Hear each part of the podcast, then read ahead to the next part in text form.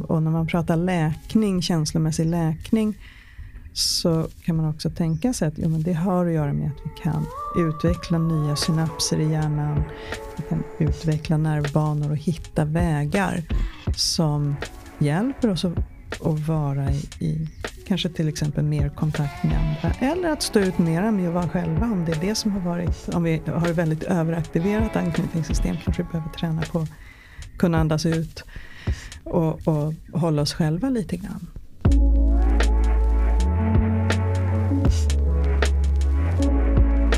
Du lyssnar på podcasten Perspektiv. Det här är ett rum för dig som längtar efter att komma hem, djupare in i dig själv och i din egen sanning. Det här är ett rum för dig som längtar efter att fördjupa relationen till dig själv och till andra människor. Mitt namn är Madeleine Mofjärd och i det här rummet bjuder jag in dig till samtal som på olika sätt rör den mänskliga upplevelsen och jag, jag är här för att lyfta nya perspektiv.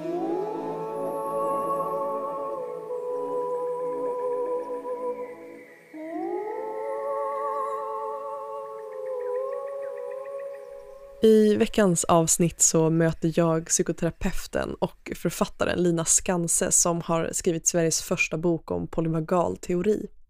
Kort förklarat så beskriver polyvagalteorin hur människors respons och reaktioner och upplevelser på stress styrs av vårt nervsystem. Teorin visar också på sambandet mellan vår kropp, alltså fysiska symptom och vår inre emotionella fysiska värld. I det här samtalet mellan mig och Lina så kommer du att höra oss dyka in i frågor som bland annat hur nervsystemet kan försätta oss i olika försvarslägen beroende på vad vi tidigare har varit med om. Vi pratar om vägar och praktiker för självreglering när nervsystemet har hamnat i något av de här försvarslägena. Vi pratar också om hur vår förmåga att känna våra känslor fullt ut faktiskt hänger ihop med vårt nervsystem. Om det är så att du uppskattar det här samtalet och vill stötta mitt arbete och hjälpa fler människor till en mer hälsosam relation till sig själva och till andra människor så skulle det göra mig så himla glad om du ville lämna en recension i appen där du lyssnar på det här eller kanske till och med posta på din story och tagga mig. Det skulle också betyda väldigt mycket om du vill höra av dig till mig och berätta vad det här samtalet väcker i dig. Du hittar mig enklast på Instagram under namnet Mofjärd utan ä. Och skulle det vara så att du är nyfiken på att dyka djupare i just mitt arbete så hittar du alla aktuella kurser, retreats och coachingerbjudanden på www.mofjärd.com. Tusen tack för att just du är här och för att du hjälper mig göra mitt arbete möjligt.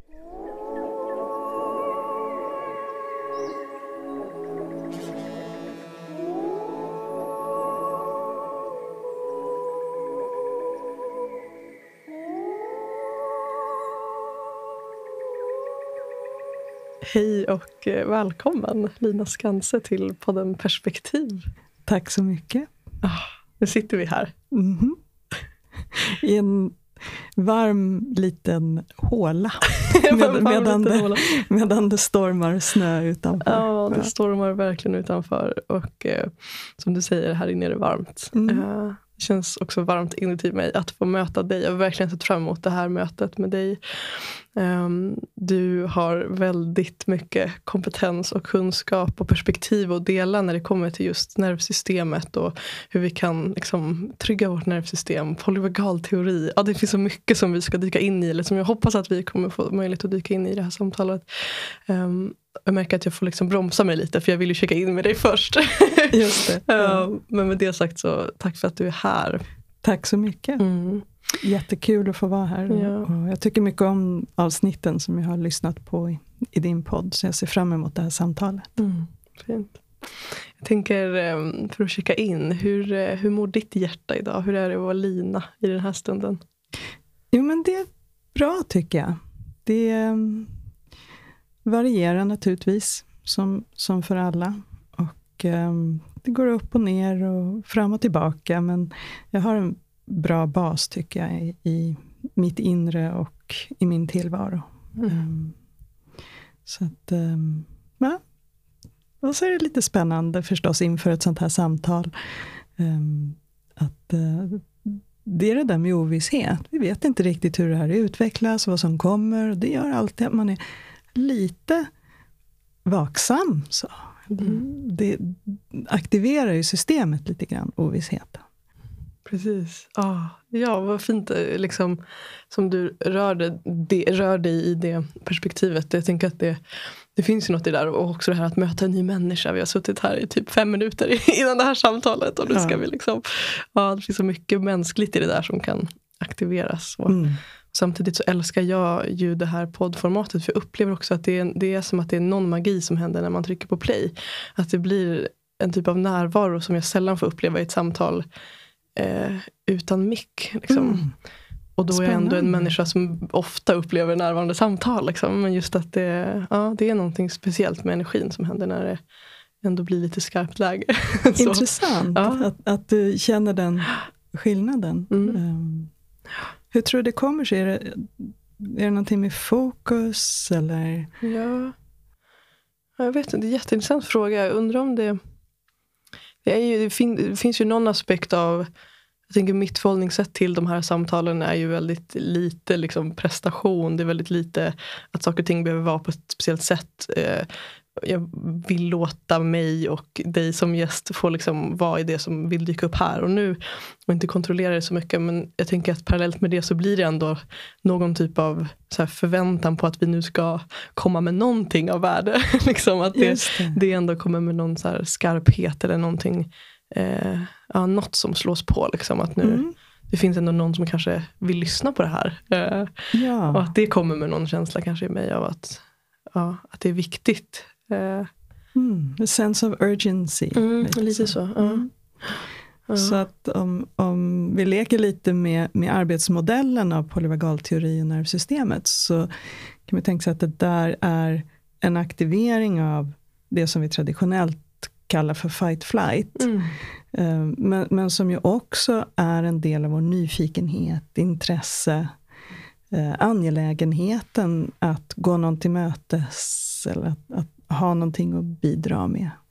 Så att, till skillnad från om vi sitter uppkrupna hemma i soffan med en kompis där vi kanske inte, ja, det är någon vi känner, det är inte, apropå förutsägbarhet så är det mer förutsägbart. Och då kanske vi är mer i vårt anknytningscentrum, det ventrala systemet, eller i stillhet, i det dorsala. Vi kommer in lite närmare på vad, här, vad de här mm. begreppen är. Men att man kan ha den radarn på lite grann på sig själv. Och säga, just det, nu är jag lite mer aktiverad. Okej, okay, jag har lite mer mobilitet i, i kroppen, i tanken, lite mer anspänning. Mm. Precis, ja, intressant. Ja, det, jag ser fram emot verkligen att få dyka in i och fördjupa oss i de här begreppen som du också nu använder. Eh, jag tänker, ehm, för att koppla det till du nämner också polyvagal teori som också är ett, liksom, temat mycket för det här samtalet som vi ska ha idag. Um, du har ju också skrivit uh, en av, eller kanske den första boken, eh, svenska boken om polyvagal teori. Eh, hur föddes idén till det? det liksom skrivandet eller varför, här, från vilken plats i dig kommer den här boken? Varför ville du skriva den boken som du har gjort? Det, dels så är det den första om själva teorin, men inte den första som tar upp teorin. Utan det finns andra som har tagit upp och skrivit om teorin i olika sammanhang, bland annat en bok om familjeterapi som är jättefin, som beskriver teorin eh, rätt nogsamt. Men, men just min bok är ämnad att presentera teorin och det är den första i, i Sverige som, som har det som syfte. Um, och anledningen till att jag skrev den var att när jag stötte på teorin första gången för kanske, kan det ha varit fem, sex år sedan, eh, så talade den så otroligt mycket till mig, just som arbetsmodell. Att den förklarar väldigt mycket. Vad är det som händer inom oss? Vad är det som påverkar oss? Hur hänger kroppen och psyket ihop? Våra tankar, våra känslor. Och jag har, som psykoterapeut så har jag liksom in, inte riktigt tidigare fått det där riktiga sambandet mellan kroppen och tanken. Vi, har, vi skiljer ju dem åt lite grann. Det finns ju mycket jättebra kroppsterapier och det finns jättebra kognitiva terapier. Och det finns jättebra modeller kring affektteori och hur vi kan jobba med känslor. Men, men just den polyvagala teorin binder ihop det där på ett sätt som blev väldigt eh, användbart för mig. När jag tog upp den här aspekten eller det här arbetsmodellen och förklarade den så blev det, det togs väldigt väl emot av de som, som jag jobbar med. Um, och, och, då tänker jag att okej, okay, det, det här vill jag vid, jobba vidare på och utveckla. Det gav mig en förståelse och det gav dem jag arbetar med en förståelse som var användbar. Um, och då läste jag in mig på teorin mer och mer. Jag lyssnade mycket på, framförallt så är det i USA som den har utvecklats. Um, på talare, jag har varit på konferenser och så. Och sen um, för ungefär två år sedan så hade jag två stora separationer i mitt liv som gav mig väldigt mycket tid. För jag förlorade två viktiga människor i min vardag. Uh, och då tänkte jag, ja, um, då får jag väl skriva då. Så att uh, den föddes, boken är född väldigt mycket ur ett vakuum. På det sättet, där, eller tomrum ska jag säga. Där, där jag hade tid att verkligen liksom fördjupa mig och vardagen hade tagit en annan vändning än vad den hade tidigare. Jag tänker också det du beskriver, det här att teorin på något sätt sätter ihop det här som vi kanske har olika perspektiv på, men just det här hur hänger kroppen och psyket ihop, det emotionella, alla de här bitarna. Och jag tänker att det finns, det som kommer till mig när jag hör dig prata eh, och dela det du delar också just det här att hur kan vi se på saker mer utifrån en helhet och inte så att vi är separ separata delar. Liksom, eller det är vi också men att allt det bildar också en helhet. Mm. Uh, jag tänker bara det inom till exempel sjukvården. Liksom, hur många, om man kommer på ett läkarbesök, hur många gånger får man då frågan uh, om sina trauman till exempel. Eller vad du har varit med om när du var liten. Eller, alltså det perspektivet inte så ofta lyfts inom den liksom, traditionella vården till exempel. Och där tänker jag också att teorin kan vara intressant. Just så här, men hur sätter sig saker som vi har varit med om, trauman, upplevelser, minnen i vår fysiska kropp och hur kan det påverka oss? Um, så, så ja, det, det, är en intressant modell. Liksom. Mm. Uh, och jag tänker det för människor som inte Eh, är bekanta med polyvagal teori sedan tidigare. Eh, hur skulle du liksom bäst beskriva teorin? Eh, kanske som någon typ av sammanfattning eller ge något perspektiv som kan göra det lite mer begripligt. Så. Sen förstår jag att det finns så mycket att liksom dyka in i men till, för att liksom få med oss lyssnarna så, så här till en början. Mm. Polyvagalteorin är utvecklad av eh, Dr. Stephen Porges i, i USA och den det är en teori om hur vårt autonoma nervsystem fungerar.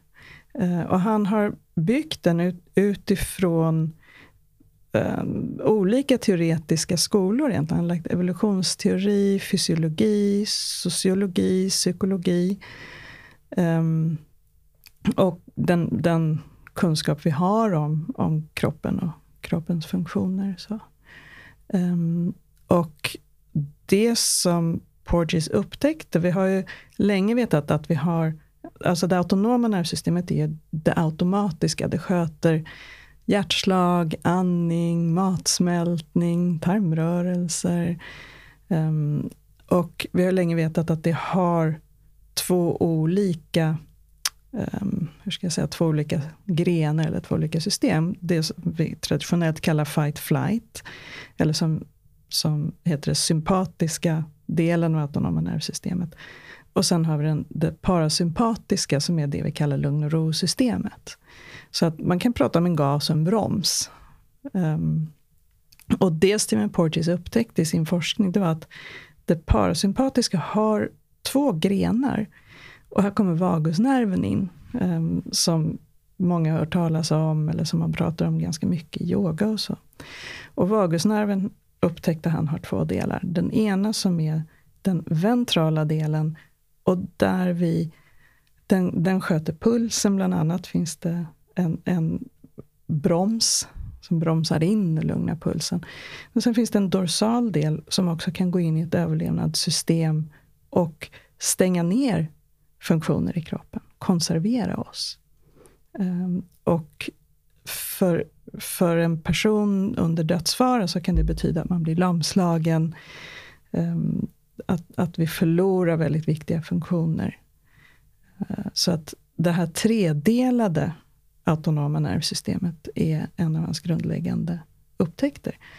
Och sen har han forskat vidare på hur de här fungerar, hur de samspelar och hur de påverkar vårt sätt att vara i världen, vårt sätt att se världen och närma oss andra. Um, och det du nämner vad det gäller kroppsminnen och, och att, att, undersöka vad har människor varit med om. Det är viktigt att, att veta att okej, okay, har vi med oss trauman till exempel, så ser vi världen mycket mer utifrån faror och hot. Vi blir alltså mer medvetna om faror och hot. Och nervsystemet söker efter faror och hot i större utsträckning. Um, än vad ett system som, som har växt upp eller varit i trygghet gör. De har lättare att känna sig säkert och söker säkerhet omkring sig. Jag tänker det också jag tänker utifrån ditt perspektiv också som psykoterapeut och också i ditt arbete där du också möter mycket klienter med olika typer av utmaningar. Eh, vad skulle du säga, liksom, alltså var, varför är det viktigt att ha koll på eh, sitt nervsystem och hur det fungerar? Eller på vilket sätt kan en medvetenhet om polyvagalteorin, om hur nervsystemet fungerar, hjälpa oss? Liksom? Och hur upplever du det kanske då i relation till ja, men antingen dig själv eller i relation till de människor du möter i ditt, i ditt arbete? Så, ehm. Dels så kan det vara otroligt viktigt att förstå hur påverkade vi blir, därför det förklarar varför vi agerat som vi har gjort i vissa situationer. Um, ofta till exempel om vi har varit utsatta för övergrepp eller, eller um, ja, an, andra situationer där vi inte har försvarat oss, så bär vi en skuld. Men varför gjorde jag ingenting? Varför sa jag inte nej? Varför försvarade jag mig inte?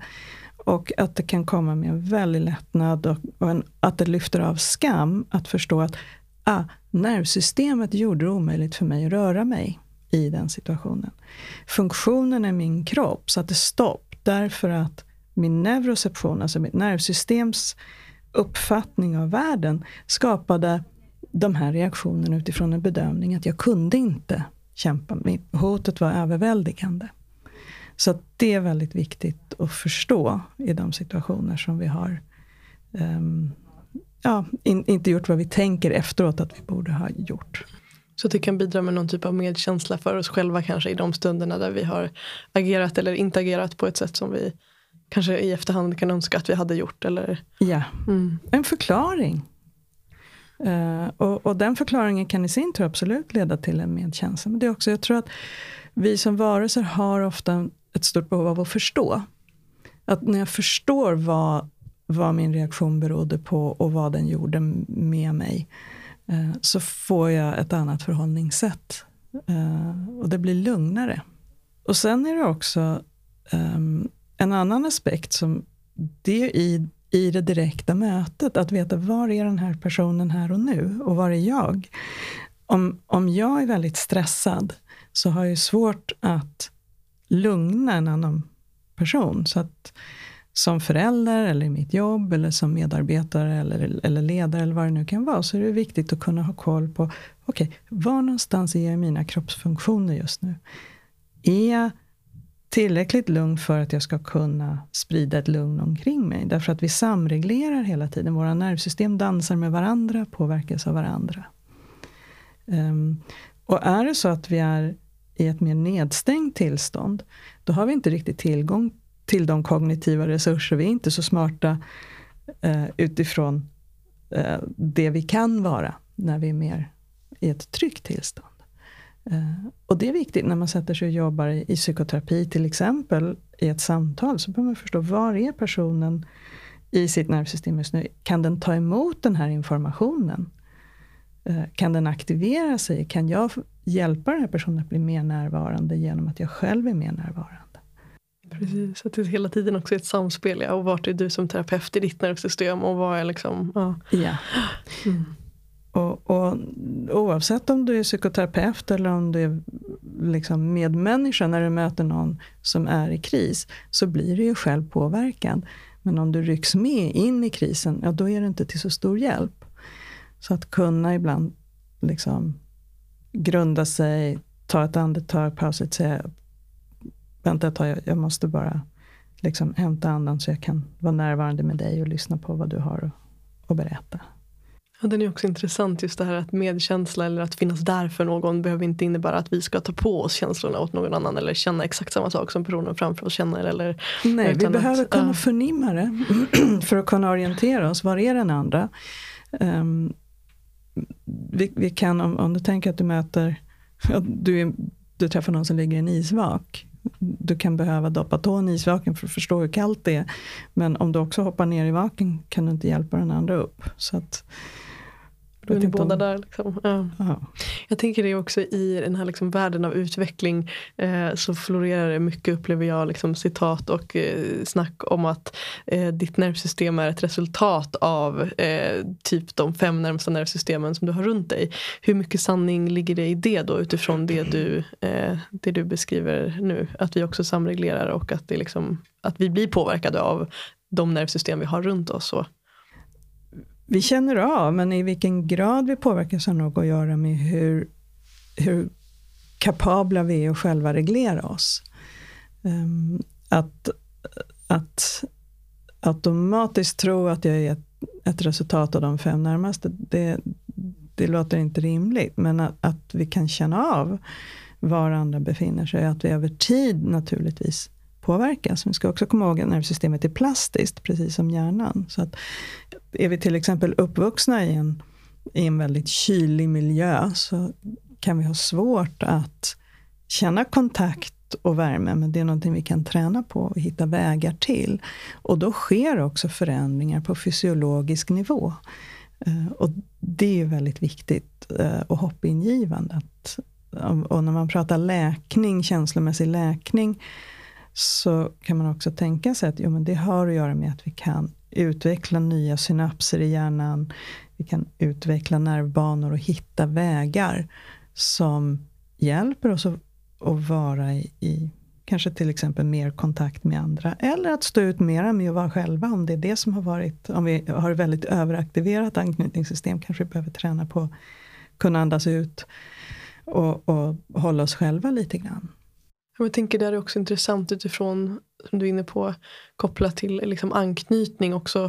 Eh, för jag hörde det också nämna tidigare att, eh, att, att just det här när nervsystemet går in i att, alltså om vi till exempel har varit med om någonting traumatiskt, att då nervsystemet går in i eh, att, alltså fight flight eller så. Men tänker också då eh, beroende då på om vi har till exempel en undvikande anknytning eller en ambivalent anknytning. Hur skulle du säga att de här äh, responserna kan ta sig olika uttryck så i nervsystemet? Alltså för en person som har, kanske kommer mer från det undvikande.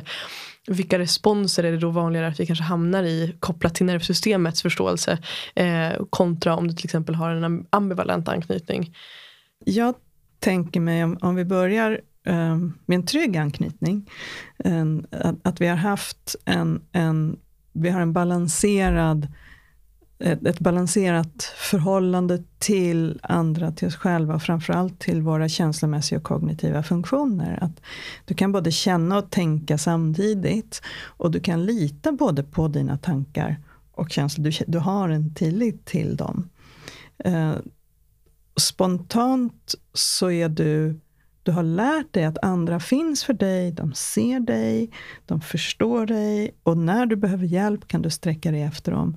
Och när du vill utforska så har du en stabilitet, en trygghet så småningom och lugna dig själv. Alla barn behöver bli lugnade miljoner gånger innan de kan börja trygga, lugna, trösta sig själva.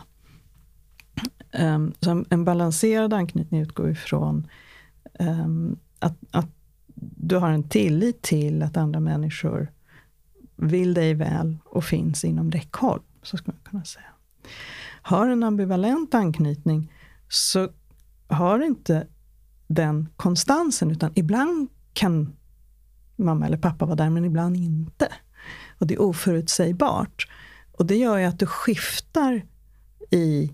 Ibland kan du känna dig trygg, men andra gånger så kan du få en aktivitet i, i det sympatiska systemet, att du måste kämpa. Och då kan du få väldigt starkt eh, upptagenhet till exempel av relationer.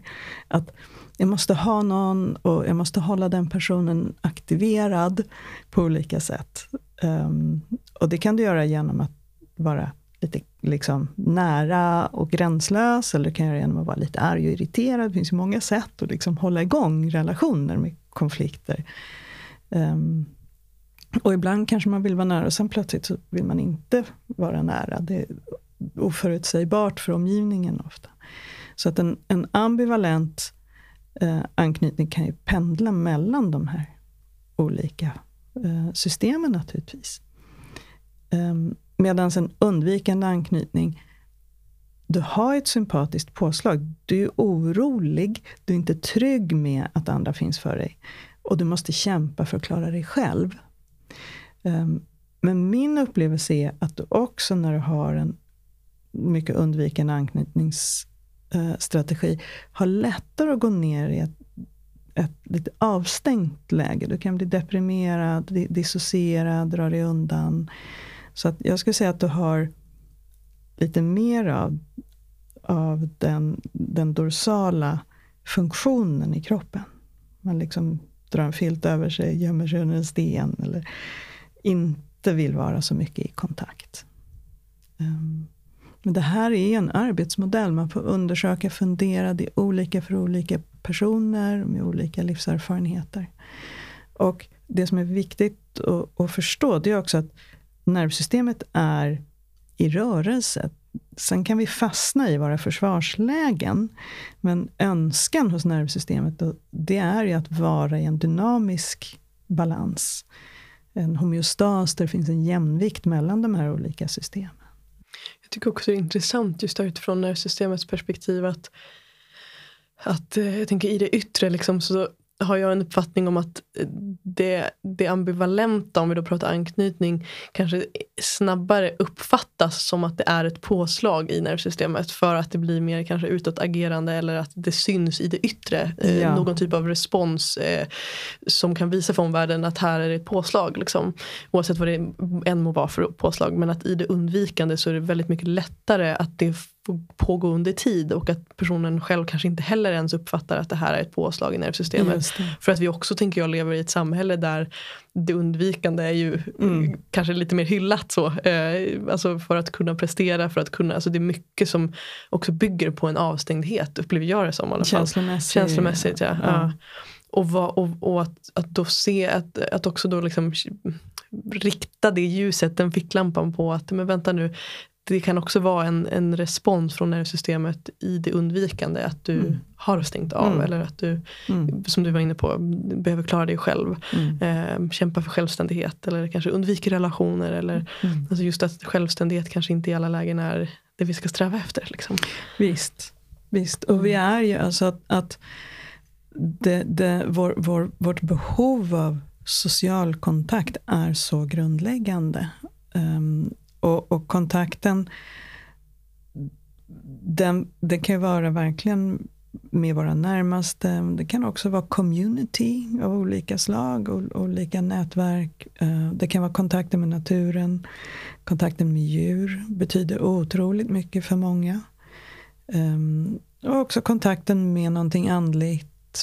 För de som är religiösa eller som har en annan tro eller bara upplevelsen. I Norden har vi en, en tradition av natur romantik och, och naturanden. Um, som, som också talar till den, den ventrala delen av vårt nervsystem. Så att, att det läkande i det här är ju att kunna hitta sina vägar till att vara i kontakt och, och bli trygg och leta efter ögonblick av trygghet, säkerhet, signaler på att andra finns för mig eller jag klarar mig fint, det finns en kontakt, det finns någon som håller en skyddande arm runt mina axlar. Eller en, en, att jag är under någon, någons beskydd oavsett vad eller vem det är.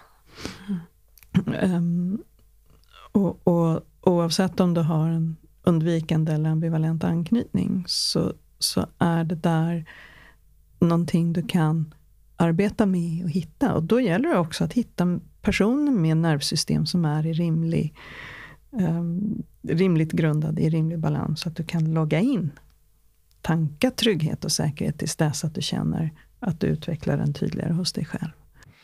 Jag tänker det här med, med de liksom tänker för, för, att knyta an till vad vi var inne på i början av det här samtalet. Att, att mycket eh, upplevelser eller dramatiska händelser, minnen kan sätta sig i vårt, ner, vårt nervsystem och på olika sätt liksom ta sig uttryck i våra liv. Eh, vad skulle du säga är liksom de vanligaste kanske Alltså både, om man delar upp det, både de liksom inre symptomen men också de kanske yttre symptomen om det nu går att skilja på. Eh, som kanske berättar för oss eller kan ge oss en ledtråd om att det finns saker vi behöver jobba på eller kanske läka eller att det finns saker som påverkar vårt nervsystem.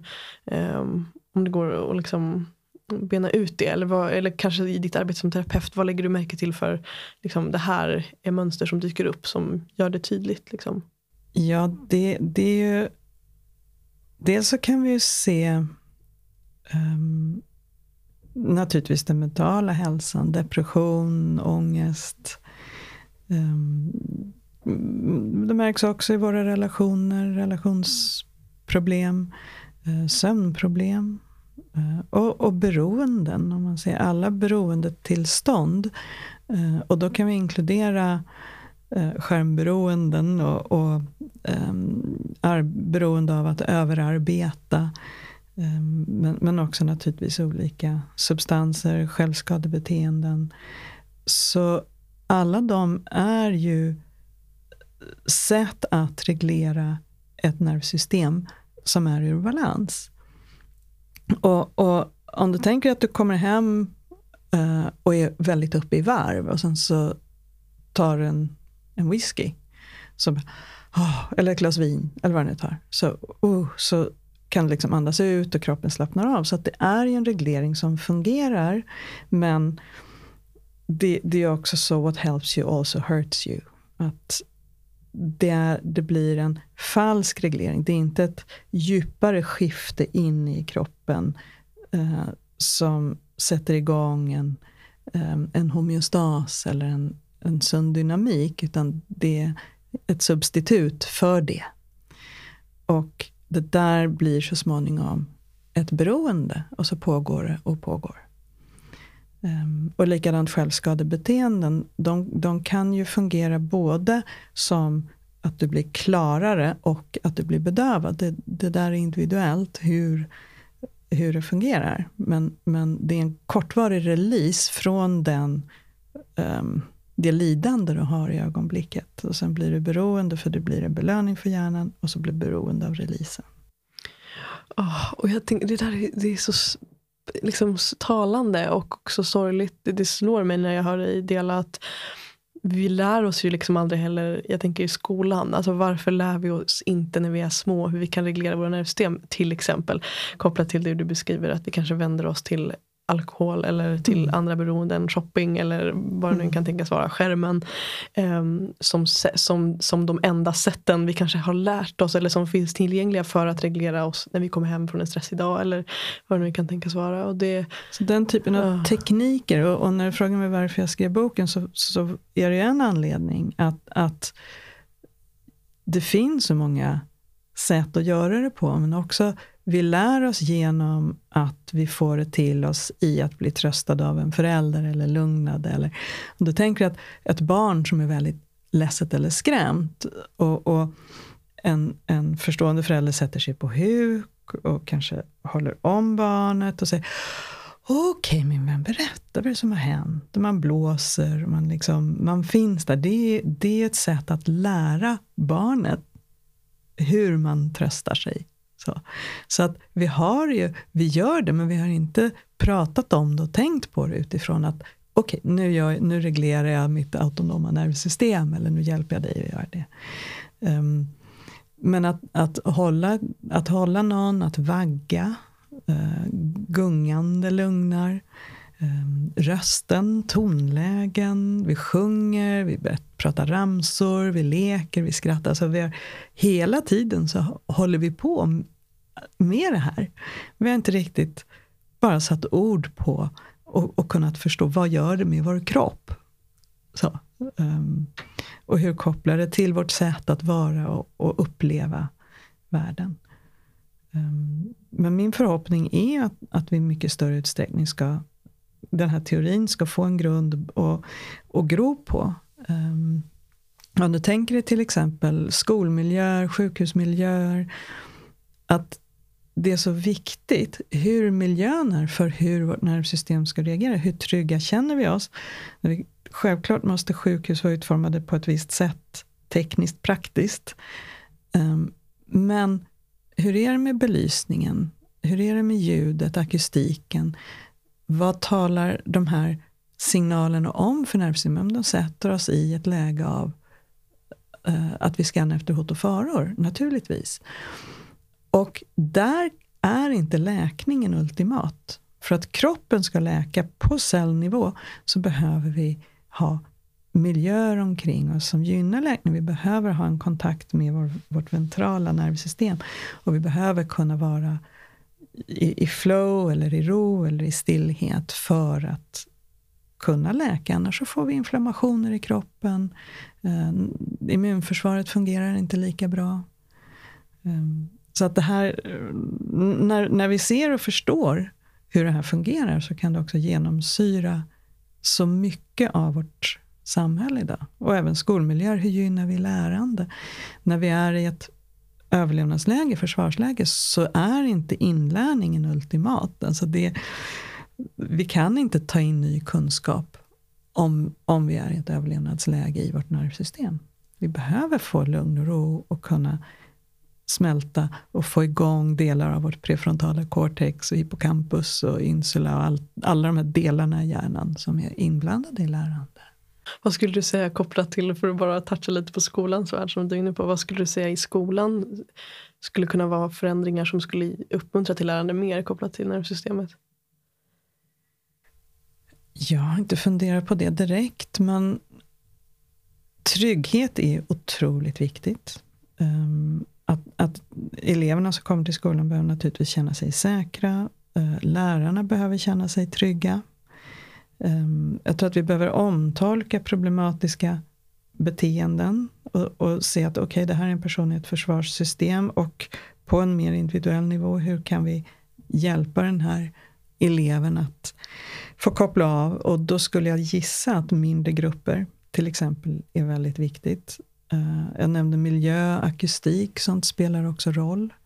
Um, vi pratade innan vi satte igång här idag om att du väljer um, den här miljön som vi är i nu för, för ditt poddande. Därför att det påverkar dig var du är någonstans till skillnad från att kanske sitta i en mer anonym studio. Um, därför att det försätter ditt nervsystem på en annan plats och då lyssnar du på ett nytt sätt och nyfikenheten kan komma fram och du kanske känner dig mer grundad eller i kontakt. Eh, och likadant är det i skolans värld. Det är intressant också, jag tänker utifrån perspektivet liksom, eh, men den mer kanske andliga eller spirituella utvecklingsvärlden där vi pratar om energier eller så här, att jag går in i ett rum och känner, känner att så här, men här vill jag vara eller jag går in på ett café och så känner jag men den där platsen vill jag sitta på men jag vill inte sitta på den där platsen. Alltså att, att så här, det här bara vetandet av vad som är rätt och det, jag tänker, det går också så tydligt att koppla för mig när jag hör dig eh, berätta det du berättar att så här, men mitt nervsystem känner av precis som att jag har valt att vara här på living room eh, att det är en plats där jag känner mig trygg liksom, och känner mig hemma som du är inne på grundad eh, men att så här, det handlar inte bara om energier utan det går också att få något handfast i det. Att eh, ja. det är faktiskt mitt nervsystem som känner eh, ja. av det här. Liksom. Exakt. Och, och där är det ju intressant tycker jag, för när vi pratar om energier så, så eh, ah, det är lätt att tänka så här, ja men det där är lite flummigt, lite flaky. Liksom. Folk säger, ja bra energier. Men ärligt talat, de flesta människor känner när de kommer in i ett rum, är det bra stämning här eller är det dålig stämning? Um, är det här en skön plats att vara på eller är det en fientlig plats eller obekväm plats? Och då kan vi säga, ah ja, vad är det vi plockar upp? Vad är det för små signaler? Ja, men det är ansiktsuttryck, det är mikro, mikrorörelser. Vi kan på långt avstånd bedöma om någonting är farligt eller inte utan att vi behöver tänka på det. Det behöver inte processas i de högre delarna av hjärnan. Utan kroppen känner. Kroppen vet. Är det här en tillgänglig person? Um, vems blick söker om du blir skrämd på gatan om du kollar runt? Och ganska snabbt ser man att den där personen vill jag hålla mig i närheten av nu när, när det känns lite hotfullt. Um, eller där, där är någonting jag vill undvika. Så att de processerna är igång hela tiden. Och är du traumatiserad så har du en, en större, som jag nämnde tidigare, en, en större frekvens av registrering av fara. Och du är mer medveten. Vilket är en överlevnadsstrategi. Nervsystemet kämpar ju hela tiden för vår överlevnad. Um, men har vi haft mycket fara så har vi svårt att se att idag är det tryggt och säkert. Och då behöver vi tekniker eh, som liksom coping för att faktiskt observera, titta dig omkring i rummet och se, lägg märke till vad du tycker om här. Lägg märke till vad som känns tryggare. Så, logga in hos den andra personen. Är det här någon du kan lita på? Vad är det hos den här personen som talar om för dig att ja, men här, här känner jag mig faktiskt säker.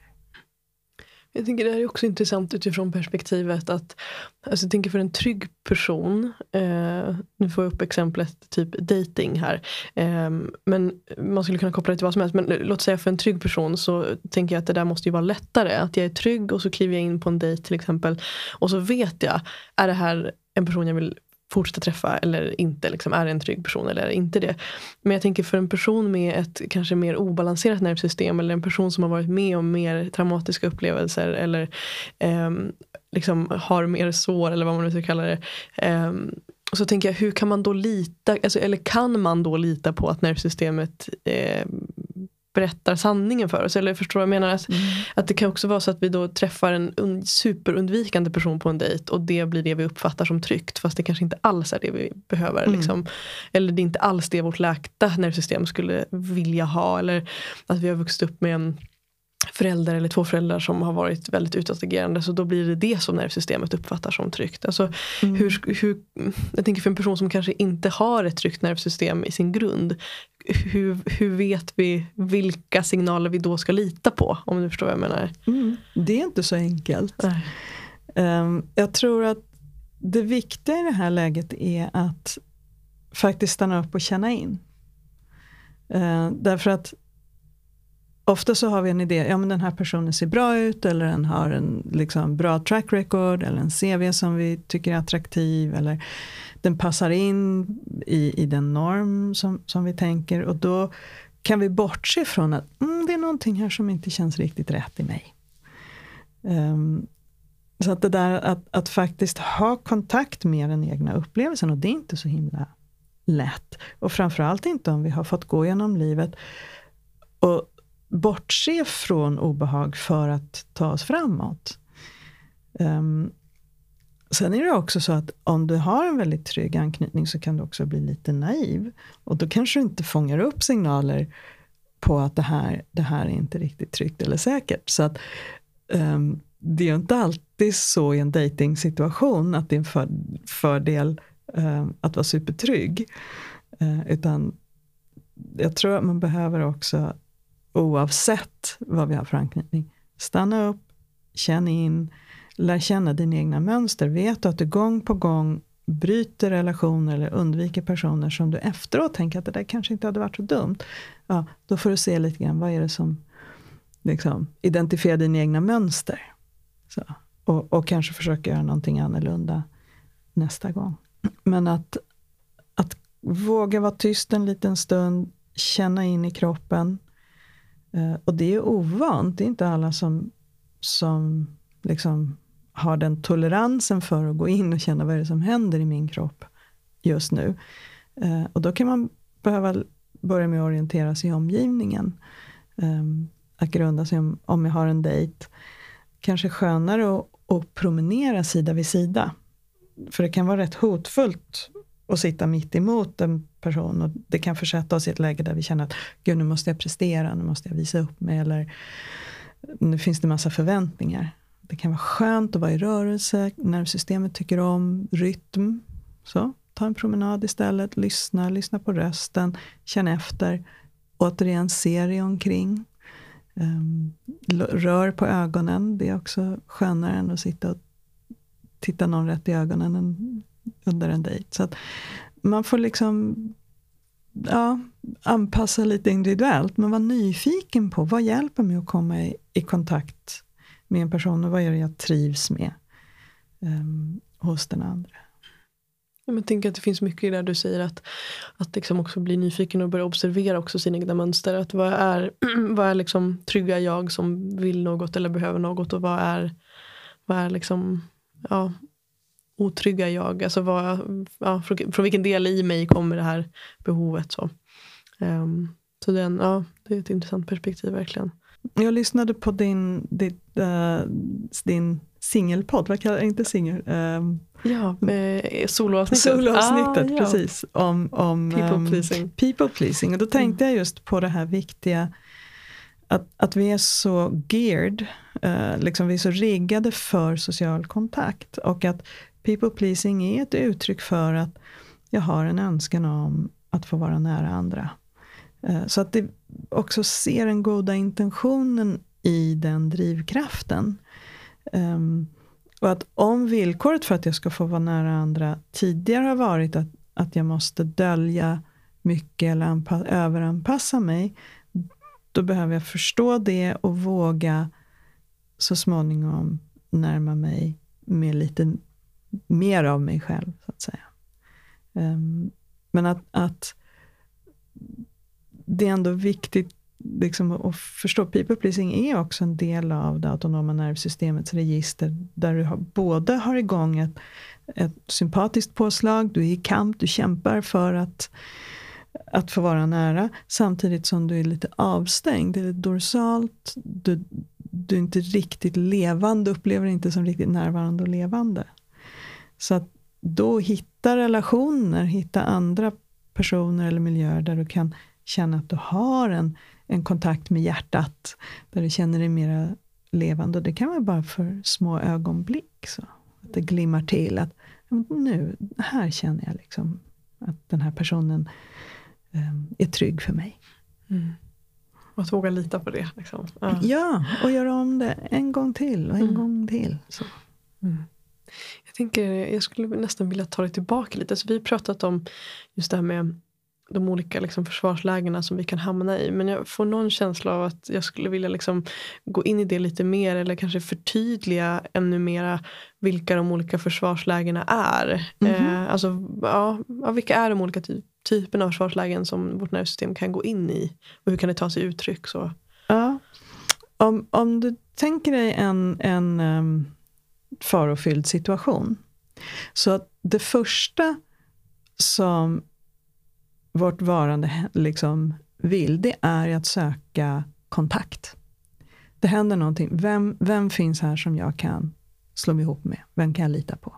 Så att på ett sätt så kan man säga att också vårt sociala system naturligtvis är ett, ett överlevnadssystem och ett, ett måste för oss. Om det inte finns en trygg person, och det inte finns någon omkring oss som kan hjälpa oss, då switchar vi över till ett påslag. Vi får det sympatiska systemet går igång. Jag skrev nog det i boken, jag, jag, brukar tänka på det som en vän, att det är sympatiskt för att det är en vän. Men det kopplas ju vanligen ihop med stress. Att vi får blod till de stora muskelgrupperna, vi spänner oss, vi kan få tunnelseende, bita ihop käkarna uh, och får en ökad puls, ett ökat blodtryck. Um, och det är ju att vi går in först i flykt. Vanligen så väljer nervsystemet, kan jag ta mig härifrån? Um, går inte det, ja, men då blir det fight. Hur kan jag kämpa? Kan jag liksom slå ifrån mig? Eller är det i en arbetssituation kan det handla om att prestera. Um, men det där ökade trycket inom oss. Uh, och där kan vi leva med en kontinuerlig stress. Om, om du tänker dig under Eh, pandemin till exempel så var det många som då blev isolerade, inte kunde hitta någon kontakt, det ventrala systemet kunde inte göra sitt jobb och då går vi in i en ständig stress istället. Um, och där kan vi fastna över tid, men så småningom så orkar inte kroppen vara i det där anspända läget. Och då är det ju lätt att vi kanske, det vi kallar för att gå in i väggen, vi får en utmattningsdepression och då har du kommit till det tredje läget som är det här dorsala avstängda när det blir, kroppen går in i ett konserverande läge. Ofta får vi problem med magen, matsmältningen. Ehm, vi känner oss inte närvarande, vi kan bli dissocierade, alltså att vi inte är riktigt här och nu, vi är bortkopplade. Ehm, depressiva symptom, kraftlöshet, vi orkar ingenting, meningslöst. Um, och där kan vi också kasta snabbt upp i till exempel panikångest. Då, då försöker kroppen att trycka upp oss från det där avstängda läget till en aktivitet och sen dunsar vi ner igen. Så att det är som att man försöker liksom kroppen försöker dra igång motorn. Då tänker jag så här, man, är det bensinstopp och så drar den upp till något stressläge och så ner igen till det här konserverande. Um, och där, det är ju så att, att våra tankar följer också våra tillstånd. Så att när vi är sådär, antingen om vi är väldigt mycket i, i sympatiskt påslagsstress, då har vi svårt att prioritera, allt blir lika viktigt. Vi blir ofta mer irriterade på andra, vi tycker andra är idioter, de är i vägen för oss. Eller de gör inte vad de ska. Um, Medan om vi går in i vårt mer avstängda överlevnadsläge så just upplevelsen av meningslöshet, det är ingen idé, ofta kommer det dödstankar. Um, det finns ingen för oss, vi känner oss värdelösa. Um, så att det, det är viktigt att veta att det tillståndet i kroppen styr hur, vilka delar av hjärnan som är aktiverade och, och hur vi tänker. Det är också det som gör att det kan vara svårt att ta sig ur dem, därför att vi kan inte riktigt tänka att nah, nu rycker jag upp mig. det, den, den tanken får liksom inget, inget grepp, ingen traction. För vi har ingen aktivitet i kroppen. Skärp till det bara. Liksom. ja, och det är ofta det omgivningen vill förmedla, men det blir bara invaliderande.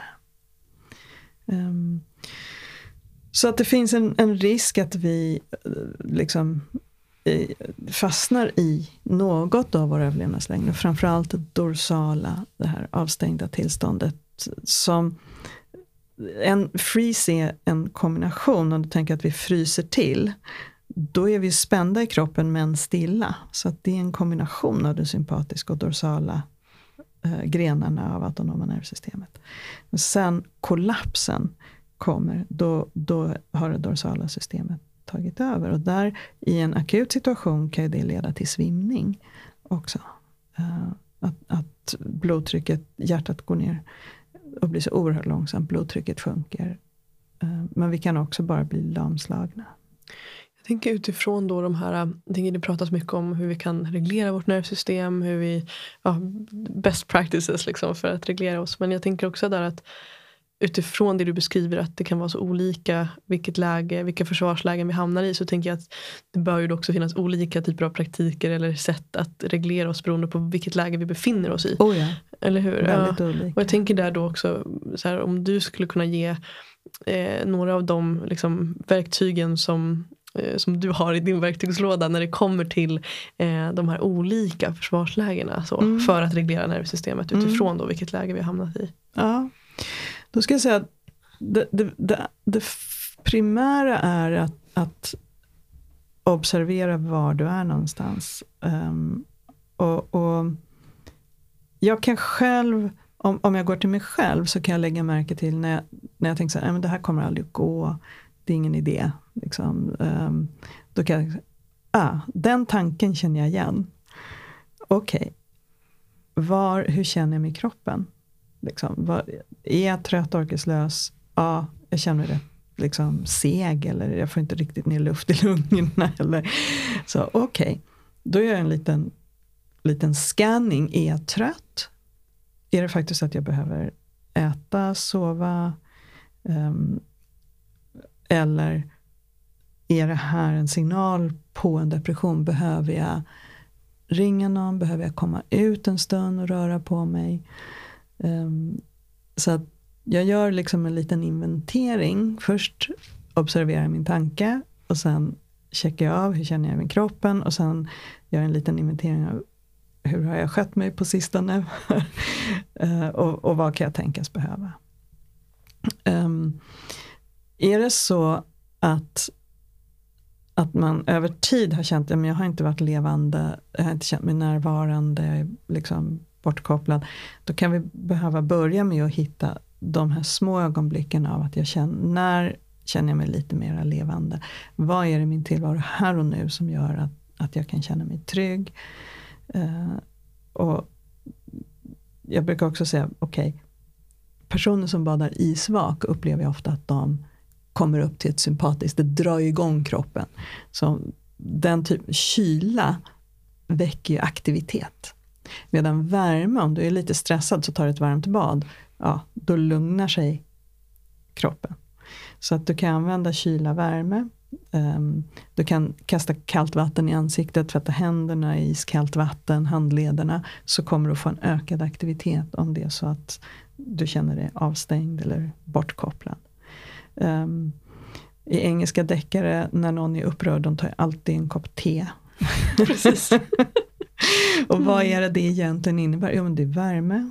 Och, och det är också i chock, värme. Um, varm filt på en person vid en trafikolycka eller så. Um, sitt med någon som är trygg, ett varmt kök, sprakande brasa. Allt det där är liksom tillbaka till livet, lugnande. Uh, andning, breathwork är ju väldigt uh, på tapeten just nu. Och en lång utandning bromsar hjärtfrekvensen. Då blir vi lugnare. Medan en ordentlig inandning väcker liv i oss så, och ökar aktiviteten. Och I det ventrala systemet så har vi något som heter vagusbromsen som är den som reglerar eh, hjärtverksamheten. Så att vi kan använda oss av kunskap om hur vi kan bromsa och gasa för att påverka hjärtverksamheten. Och sen följer tankar och känslor efter när vi kan reglera systemet på det sättet. Mm. Sen gäller det att experimentera lite. Vad, vad funkar för mig? beroende på hur fast är vi i något av våra tillstånd. Har vi varit länge i tillstånd är det en större utmaning att, att få igång en dynamik, en rörelse i systemet. Um, har vi drabbats av svår sorg så är vi ofta i chock. Och så småningom så kommer sorgen, det finns ett um, att sorgen är zebrarandig. Är ett, jag undrar om inte det finns, eller i alla fall har funnits, en, en plats för barn för att hantera sorg som kallas Zebrahuset. Mm. Um, och det är också verkligen min personliga erfarenhet av sorg. Att, att den kommer och går. Det känns avgrundsdjupt och i nästa ögonblick så känns det okej. Okay. Och det är ju nervsystemet som rör sig i de här olika funktionerna.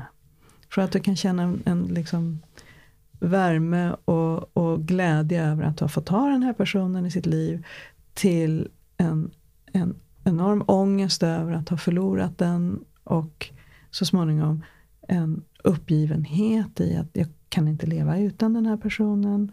Och sen kan man bli arg för att man har förlorat den och sen kommer det tillbaka till att men nu känner jag mig väldigt närvarande och levande och jag är glad för det. Och så gungar det fram och tillbaka. Och att det handlar om att stå ut med de här skiftena. Att kunna tillåta dem att ske. Att inte försöka dämpa eller ta bort det som är. För så småningom så, så läker det. Um, och vi kan hjälpa oss själva genom att vara i miljöer och i relationer som är trygga och skyddande.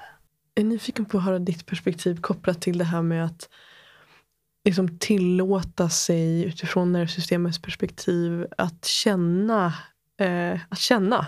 Um, jag tänker att det finns liksom två grenar som jag ser liksom i utvecklingsvärlden. Så, där den ena grenen är lite, eh, nu sätter jag titeln Eckart Tolle, liksom perspektivet. Så att i nuet så finns det ingenting som är ett problem. Liksom, att bara jag är närvarande så eh, har jag inga problem. Eh, raljerar lite men så här, att om man tar det till sin spets så är det egentligen det som är liksom kärnan. Och sen har vi då perspektivet eh, på andra delen av spektrat kanske där, där vi pratar om att det är viktigt att tillåta oss att känna våra känslor fullt ut för att kunna läka och så vidare. Och du nämner också breathwork och jag eh, är själv utbildad eh, breathwork liksom, eh, coach och eh, jobbar mycket med breathwork som verktyg så med klienter. Eh, och Eh, hade senast bara för inte alls länge sedan en klient som eh, hade jobbat väldigt mycket med bland annat mental träning och eh, mycket liksom mentala verktyg för att lära sig att hantera känslor och läst mycket Eckart Tolle och använt just Eckart Tolles mm, liksom, eh, perspektiv mycket för att eh, hantera sina känslor. Så. Eh, och, och, så kom hon till mig och jag tror att det var första gången hon upplevde breathwork eh, där jag jobbar mycket mer med perspektivet av att så här, ja, men genom andningen så kan vi komma i kontakt och tillåta tillåta oss att känna saker fullt ut för att släppa taget. Um, och hennes delning efteråt var så vacker för att det kom väldigt mycket liksom, känslor, så mycket sorg som fick komma upp. Och hon berättade just det att det att det slog henne liksom att shit, jag har liksom, direkt jag har känt någonting som har skavt eller att jag får impulsen att gråta så ja, men då har jag ju lärt mig att jag ska bara ta två djupa andetag och sen mm. fokusera på nuet och sen är allt bra. Liksom. Och för mig där, då är jag nyfiken på dina perspektiv kopplat till det för jag tänker personligen att det är viktigt att vi tillåter oss att få känna. Liksom. Mm. Um, Eh, att det är lätt annars att det sätter sig i kroppen om vi stänger ute känslor i form av att bara fokusera på tacksamhet eller liksom lite spiritual bypass, liksom det perspektivet. Mm. Hur går dina tankar kring, kring det? Liksom? Jag tror att det, det, fin, det, det är både och. Mm. Därför att beroende på hur stor tolerans du har för att känna. Om du blir överväldigad av dina känslor så blir det för mycket. Och då kommer nervsystemet självt att stänga av Um, så att du behöver vara tillräckligt trygg um, för att liksom titrera en droppe i taget, li, lite bit för bit, vad är känslan? Men om du alltid är i en coping, eller en form av management som du beskriver att nej men nu tänker jag här och nu och nu tar jag två djupa andetag. Då har du egentligen inte någon större tolerans för känslan utan du är i ett undvikande. Där. Och man kan behöva sina copingstrategier och managementmetoder. När vi känner att nu blir det överväldigande, okej, okay, då behöver jag ha med mig lite verktyg för att jag ska kunna reglera känslan. Men samtidigt så är ju arbetet med dig själv handlar ju om att, att kunna vara med det som är. Att, att så småningom kunna känna dig trygg i ditt eget skinn. Och kroppen kommer att ha olika tillstånd. Så att om du har ett, till exempel då att du känner dig väldigt distanserad eller avstängd, att faktiskt acceptera att just nu är det så jag känner, jag känner ingenting. Um, och det finns en anledning till det, jag behöver inte ens förstå vad.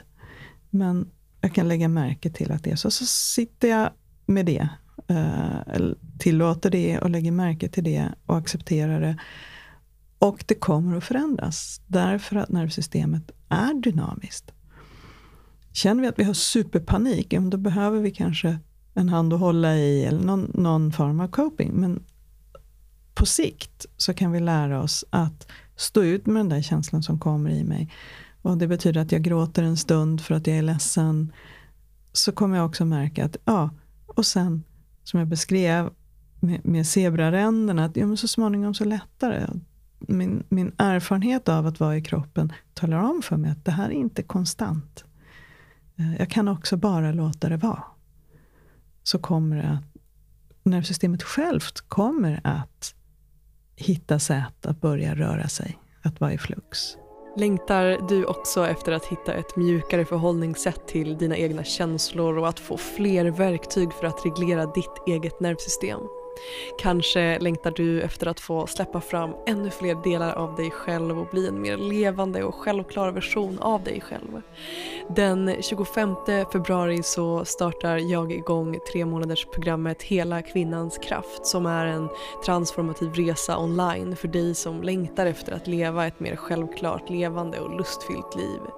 Varje söndag mellan den 25 februari och den 12 maj så möts vi online för att utforska perspektiv som på olika sätt rör din frigörelse som kvinna och som människa. Jag litar på att du vet om det här är för dig. Boka din plats via mofjärd.com eller via den länk som du hittar i beskrivningen till det här avsnittet.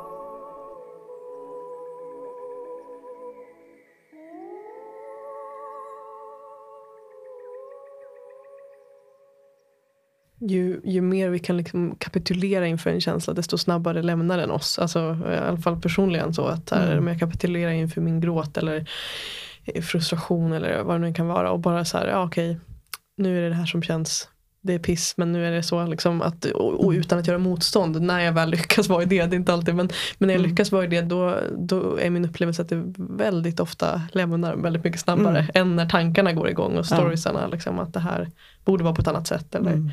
det. Den är också intressant och jag tänker eh, utifrån eh, det du delar också om de här olika försvarslägena vi kan hamna i och så vidare så eh, bara slår det mig också hur viktigt det varit i min egen resa att få förståelse för vad det är som händer i kroppen. Och det gör mig också så mm. ödmjuk inför att vi, att vi har det här samtalet och att, att du sitter här och delar de här perspektiven och de här, den här förståelsen med, med lyssnarna som kanske har hört det här massa gånger eller första gången som det här liksom når, når till, till dig som lyssnar. Men just att för mig så, så slår det mig att vad viktigt det har varit att få förståelsen för vad det är som händer.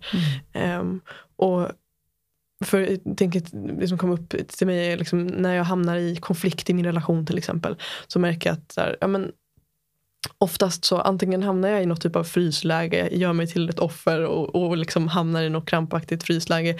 Eller så hamnar jag i liksom, eh, fight, alltså att jag blir, går in mer i mitt ambivalenta och försöker liksom lösa saker. Eller, alltså, men, men att att med den här medvetenheten så har det varit så hjälpsamt för mig att få syn på det och som du var inne på tidigare också att kunna stanna upp och observera. Men vänta nu, det är liksom inte jag som håller på nu.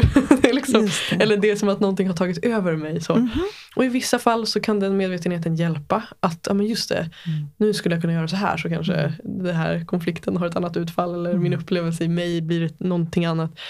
Och i vissa fall så är det svårt liksom, för att vi är, jag är så aktiverad. Um, men just att det att gör mig ödmjuk och tacksam att vi, vi har det här samtalet. Att mm. det är mm. viktigt att det här når ut. Liksom. Mm. Um, och du mm. nämner den, den här förmågan att ha ett observerande själv eller en del av en som är där och lägger märke till just nu händer det här. Just nu väljer jag att fokusera på det som lugnar mig för att jag märker att min kropp är väldigt upprörd. Mitt nervsystem är väldigt aktiverat just nu. Um, och jag väljer utifrån att en sida av mig är medveten om vad som händer samtidigt som det händer i mig. Att det, det, och, och det där benämns på olika sätt i, i, olika traditioner som ett observerande själv eller i, i internal family system som är en, en terapeutisk liksom, perspektivmetod, synsätt. Pratar man om ett compassionate self. Um, och, och, i kognitiv terapi kan vi prata om kognitiv medvetenhet eller metatänkande. Att vi kan tänka om hur vi tänker, vi kan tänka om hur vi känner. Och det där kan man behöva träna. Vi har olika tillgång till den förmågan. Och framförallt beroende på vilket tillstånd vi har i kroppen.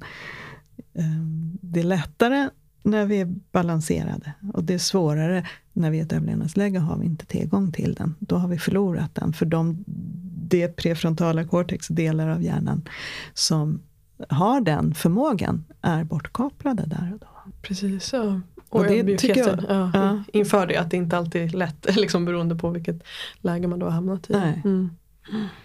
Um, och, och det, det, det, tycker jag är spännande när jag träffar nya personer som, som är i någon form av kris, att få följa med och se hur, hur de mer och mer vaknar till liv i tanken och i känslan och, och blir liksom så mycket mer smartare och mer påkopplade och reflekterande allt eftersom processen går. Man får se, wow, alla de där resurserna, och det är så viktigt att veta, de finns ju där, det är bara att vi inte har tillgång till dem.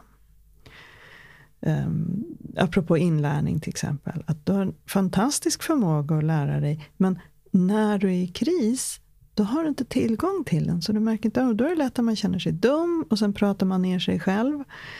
Um, men när vi blir tryggare så plötsligt så öppnar sig uh, tillgången igen. Um, så att, apropå att vi behöver ha tålamod med varandra och inte döma så fort. Eh, utan vänta lite och se.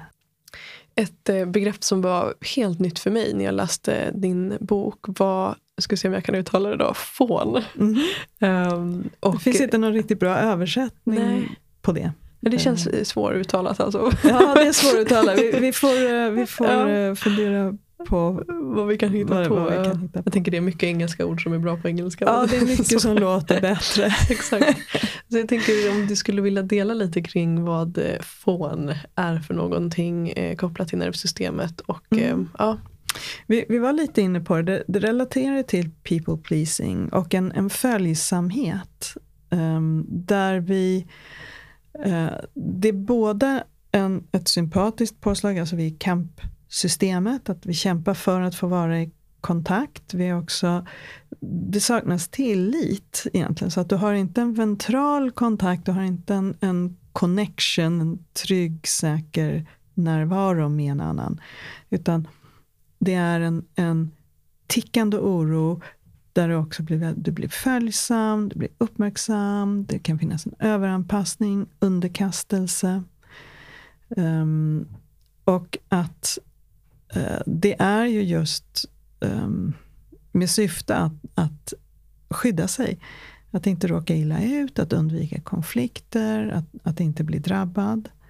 Um, och det är svårt att få syn på i relationer. För vi, vi tror att den här personen är glad och positiv. Och, och liksom, ofta i terapirummet så kan det vara att, att det är svårt att få fram är det här egentligen vad du behöver? Eller är det någonting här som inte känns bra? Alltså vi kan verkligen behöva anstränga oss för att locka fram den här upp, informationen om den andra personen. För den dols. Eller den är dold och döljs.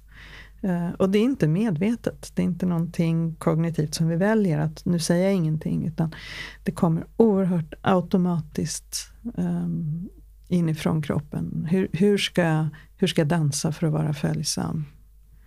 Um, hur ska jag göra för att inte drabbas? Så, För att få tillhöra och vara med liksom, i gruppen. Ja. Och, mm. ja. För det är det allra viktigaste för oss. Vi klarar oss inte helt på egen hand. Mm. Ja, det hänger ju verkligen ihop med people pleasing. Alltså, jag tänker att det Mm. ger en förklaring på vad, vad som sker. Liksom. Eh, Ja. vad, eh, för begreppet står också för eh, Mm. Alltså om, du, om du tittar på vad fån betyder så är, så är det rådjurskid. Um, och det, det är intressant uh, därför rådjurskid de luktar ju inte. De ligger alldeles stilla. De har ingen doft för att de inte ska upptäckas. Um, så att jag vet faktiskt inte om det är därifrån uh, som de har tagit begreppet. Men um, jag tror att jag pratade om det som följsamhet, underkastelse. ehm, när jag skrev om det. Mm. Just det. Men det är fint att få det utifrån perspektivet att det faktiskt också är ett försvarsläge. Liksom. Att det är någonting som händer i oss. Ja, Eh, och att det finns något, jag tänker också som du beskriver det här att i ett terapirum att hur svårt det då kan vara att få fatt på saker och ting. Att vi kanske har tryckt undan våra egna behov så pass mycket eller vår egen sanning eller Mm. våra egna åsikter. Eller att vi har blivit så här superföljsamma. Att vi knappt ens vet vad, Nej. är, vad är min kärna. Liksom. nej, nej. Det, det, så är det nog ofta. Att, att vi faktiskt, ib- ibland kan man vara medveten om att egentligen vill jag här men jag väljer att inte säga det. Men oftast så blir det bara blankt. Eh, vi hittar inte, nej men det spelar ingen roll för mig. Eh, vi, gör, vi gör som du vill. Eh, och det kan också finnas ett, ett liksom att vi ger och ger och ger. Det är otroligt svårt att ta emot. Vi vet inte riktigt hur man gör det. Det finns många, många aspekter på det där. Då är det också viktigt om, om vi uppmanar andra, men stå upp för dig själv. Ja, men då måste vi också se till att den personen är i en tillräckligt tryggt sammanhang för att kunna göra det. Mm. Ehm, och uppfattar att det är ett tillräckligt tryggt sammanhang. Mm. Wow.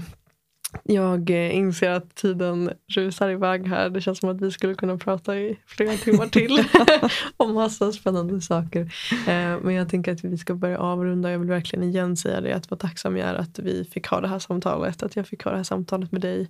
Eh, Och jag är så nyfiken på att höra från lyssnarna hur det här landar och ja, vad det väcker för reflektioner och för Mm. igenkänning. Och jag tror att det kan ja, skapa mycket igenkänning och förståelse kanske också för egna mönster och varför saker och ting blir ja. som de blir. Och, eller ja. inte blir som de ja, blir. Visst. Eller, ja. Vi kan se vår historia mm. på ett annat sätt. Och, och framförallt så, så skulle jag önska för var och en att försiktigt och nyfiket börja undersöka, okej, okay, var, var, var befinner jag mig just nu i olika situationer? Stanna upp lite grann i det. Och det finns jättemycket bra information på nätet. Man kan söka och läsa. Ehm, det finns jättemycket bra poddar, det finns mycket på YouTube. Ehm, och det är intressant för det är nästan som en subversiv rörelse. Det är så under, en underström. Därför att den professionella världen har inte i någon större utsträckning tagit till sig den här teorin av olika skäl. Men den är otroligt tillgänglig på sociala medier. Uh, och sen behöver man ju ha lite urskiljning. Vad, vad är det jag tar till mig och, och hur väl stämmer det här för mig? Men, men Stephen Porges och Deb Dana och, och, några av de här stora namnen som, som finns, de finns ju tillgängliga eh, på Youtube och då, det är bra källor. Mm. Men det är också intressant, jag vet att du nämnde det också i boken, jag vet inte exakt vad du skriver där, men just det här att teorin är fortfarande ifrågasatt också. Att det, det är inte eh, självklart anammat Nej. överallt. Och det är väl också intressant tänker jag, för mycket som är eh, ja, det, ja alltså vad är evidensbaserat och vad inte och vem bestämmer vad som är evidens ja. och inte. Och det, någonstans tänker jag också att det är en rörelse, alltså vi skiftar liksom eh, mycket. Ja. Eh. Och det här är en teori, den mm. är under utveckling, det är ingenting som är skrivet i sten. Uh, utan det sker hela tiden forskning och det märker jag bara under de här senaste åren som, som jag har varit följt och varit med i diskussionerna så händer det ju väldigt, väldigt mycket hela tiden.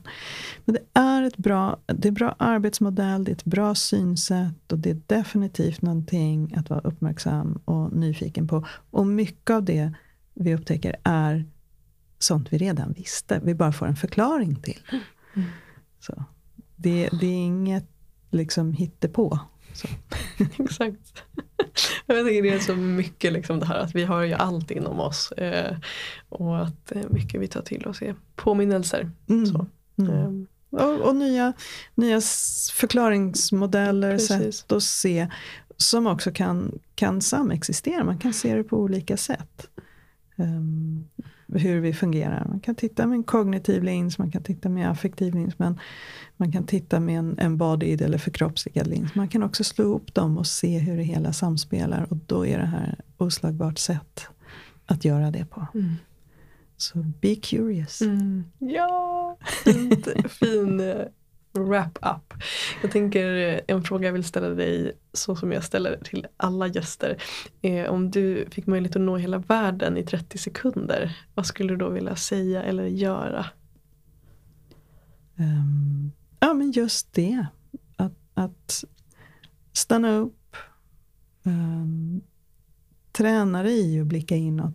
Och vara med kroppen. Lyssna till kroppens uh, vishet. För det finns väldigt mycket där. Mm. Mm, vackert. Mm. And be curious. be curious. ja, tusen tack Lina. tack snälla. Ja, och för lyssnarna som vill komma i kontakt med dig och läsa din bok och ta del av ditt arbete, vart hittar de dig enklast? Eh, boken finns där böcker finns, lättast tillgänglig på nätet skulle jag tro.